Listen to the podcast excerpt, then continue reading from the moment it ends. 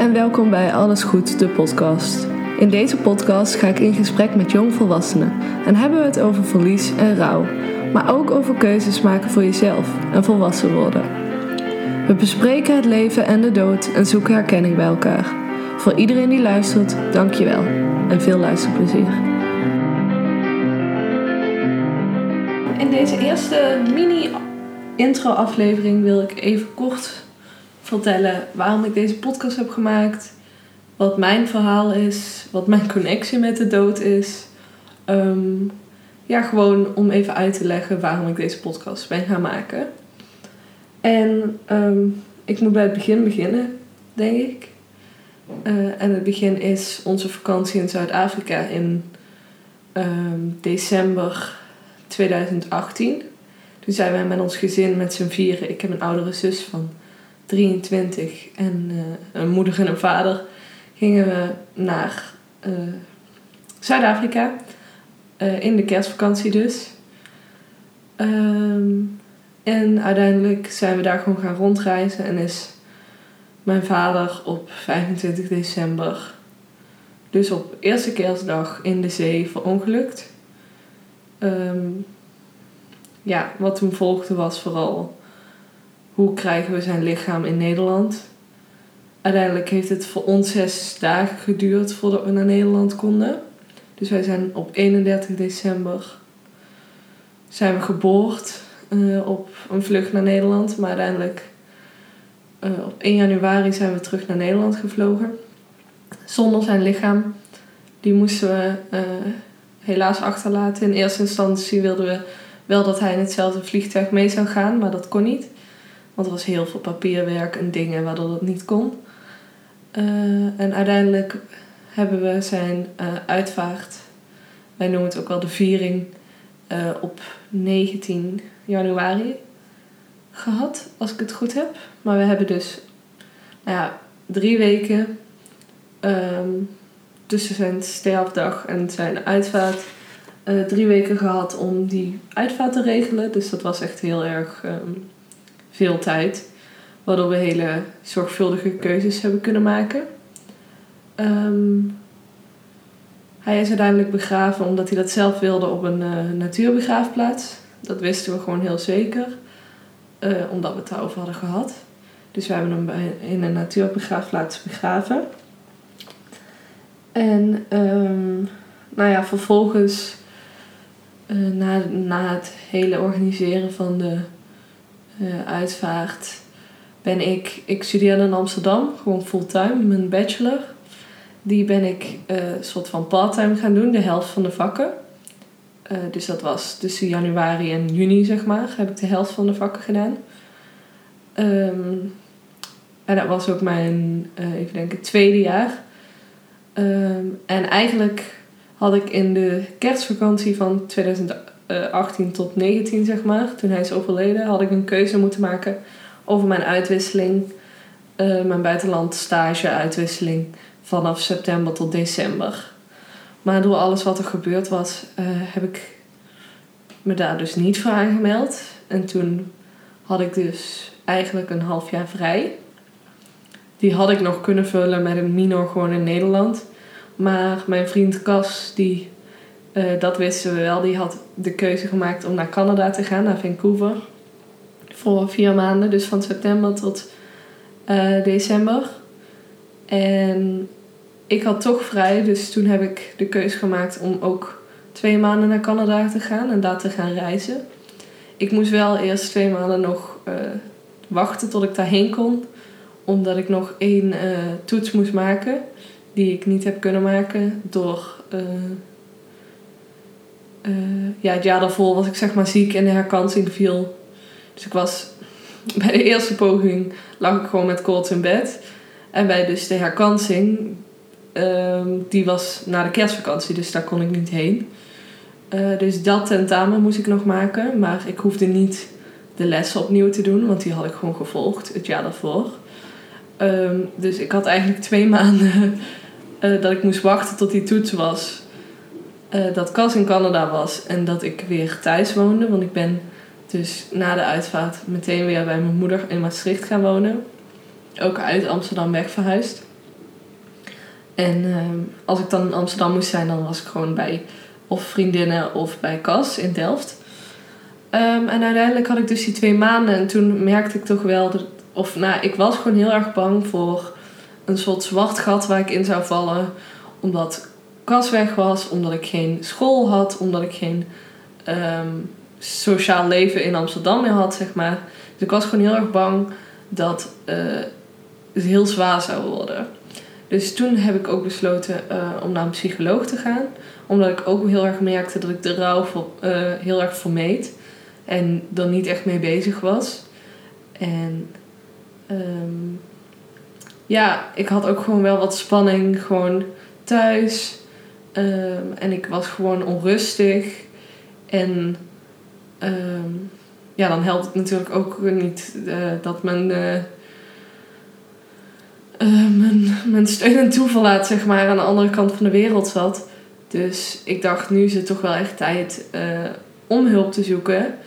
Dus toen ben ik bij een hele fijne psycholoog terechtgekomen. En daar zijn we toen begonnen met, met gesprekken. En ook wel al een beetje EMDR. Omdat ik ook gewoon angst had opgebouwd voor de zee en voor water. Um, en wat toen ook op mijn pad kwam, was de rouwgroep. Daar horen jullie in de uh, aflevering met Jules ook nog over. Zij vroeg mij of ik bij de rouwgroep wilde voor jongeren. En nou ja, in eerste instantie stijgerde ik echt heel erg en had ik daar echt geen zin in. Maar toen dacht ik, ja, dit is toch weer vermijdingsgedrag. Uh, wie weet heb je er heel erg veel aan. Dus toen heb ik toch besloten dat wel te doen. En uiteindelijk was dat ook heel erg waardevol. En um, daar ben ik nog steeds in. We hebben elkaar wel lang niet gezien, ook door corona. Maar um, ja, het is een hele waardevolle groep jongeren, jongvolwassenen. Uh, waar gewoon de ruimte is om over rouw te praten, maar ook gewoon over andere dingen waar je mee zit. Um, en toen ben ik uiteindelijk eind oktober uh, naar Canada gegaan. Dat was echt de beste keuze van mijn leven. Um, ik had daar geen verplichtingen, helemaal niks, geen school, geen. Uh, nou ja, ook eigenlijk geen sociaal leven, maar ook geen familieverplichtingen, uh, omdat het gewoon in een ander land was. En um, ja, dat was wel echt heel erg fijn. Uh, mijn basis was toen gewoon bij Cas in Vancouver. En toen ben ik vanuit daar uh, naar Amerika gegaan en naar Oost uh, Oost-Canada. En uiteindelijk heb ik daar ongeveer zeven weken heel erg gechilled. En ook gewoon heel erg rust gepakt. En um, gewoon genoten van de vrijheden en van reizen. Wat toch echt mijn grootste passie is. Uh, en nu was het ook best wel beladen. Uh, omdat ik nu alleen aan het reizen was. En nou ja, mijn ouders waren stoer en stewardess. Dus het, uh, het reizen is er wel met de paplepel ingegoten. En toen wij terugkwamen van Zuid-Afrika had ik ook in eerste instantie best wel de angst um, dat ik niet meer op reis zou durven gaan, omdat het dus op reis was gebeurd. Dat hebben we gelukkig meteen in uh, mei 2019, de, uh, op de verjaardag van mijn vader, zijn we naar New York gevlogen. Omdat dat zijn lievelingsstad is. En toen hebben we daar zijn verjaardag gevierd. Hele kleine tattoos laten zetten in zijn. Voor hem, zeg maar. En nou daardoor hebben we wel meteen die angst voor het vliegen ook weggehaald. Dus dat was wel heel erg goed. En daardoor toen we naar Canada gingen, um, kon ik er ook wel echt van genieten. En het was gewoon heel erg fijn om alleen maar met mezelf te zijn en dan uh, gewoon die reis te maken. En er was daar ook gewoon genoeg afleiding met Cas en zijn huisgenoten. Um, en alle activiteiten die we daar hebben gedaan. Dus het was ook heel erg leuk, maar het was ook best wel helend. Ook toen ik terugkwam, zeiden allemaal mensen: Wat zie jij er goed uit? En ik denk dat dat deels uh, de, de schone lucht van uh, Canada is geweest. Maar ook gewoon dat ik heel weinig stress had en gewoon heel erg happy was daar. Ehm, en uiteindelijk, nou ja, toen ik terugkwam, een week later was uh, de eerste sterftedag dan. Een jaar later, dus een jaar. Ik, had, ik vond die dag wel. Ja, op dat moment vond ik het gewoon heel irritant dat iedereen het zo zwaar maakte. Wat het ook gewoon is. Dus achteraf denk ik, ja, je kan wel het proberen weg te duwen. Maar dat is dus typisch mijn vermijdingsgedrag. Ehm, dus ik ben ook gewoon na, uh, nadat ik terugkwam uit Canada, gewoon doorgegaan met zowel de therapie als ehm, de rouwgroep. Uh, en dat was ook wel heel belangrijk, denk ik, voor mij om ook te leren dat je geen koude kikker hoeft te zijn. En ik ben nog steeds niet zo echt niet zo'n goede huiler, maar ik denk wel dat het al beter is. En ja, uiteindelijk begon. Um, ja, uiteindelijk kwam corona en toen ben ik. Wij waren net gaan samenwonen en een week later was de, de lockdown. Dus wij hebben hier toen heel gezellig met z'n tweeën heel veel thuis gezeten. Maar uh, ja, daarin merkte ik toch ook wel dat ik, dat ik het verdriet dus geen ruimte gaf. Wat wel ingewikkeld is, want hoe geef je het dan wel ruimte? Maar, um, en uiteindelijk kwam ik op het idee van een podcast. En moet ik niet eens met mensen, met gelijkgestemden buiten die. Uh, gelijkgestemde is wel echt een, een nawoord, maar jullie begrijpen wat ik bedoel. Um, met mensen gaan praten die ik die me hiermee kunnen helpen en waarmee ik uh, open kan zijn zonder, zonder onbegrip, zonder gejudged te worden, zonder um, raar aangekeken te worden, zonder medelijden ook vooral. Um, en toen ben ik dus in gesprek gegaan met, met de mensen die jullie gaan horen de komende weken. Uh, en had ik bedacht dat ik het mooi zou vinden om die gesprekken op te nemen en um, er is echt over te praten. En ook de doelgroep jongvolwassenen, nou ja, vooral omdat ik daarin zit. Um, de jongste persoon waarmee ik heb gesproken is 18 en de oudste is 24. Dus daar zit het wel echt tussen. En het, het ding van deze leeftijd vind ik gewoon heel erg dat je. En je verliest iemand. En ondertussen moet je ook gewoon. Uh, je moet op jezelf gaan wonen. Als je dat wil natuurlijk. Daar moet je over nadenken. Je moet uh, geld gaan verdienen. Je moet een studie kiezen. Je moet. Uh, die studie halen, je P halen, stage lopen, um, van alles, diploma's halen.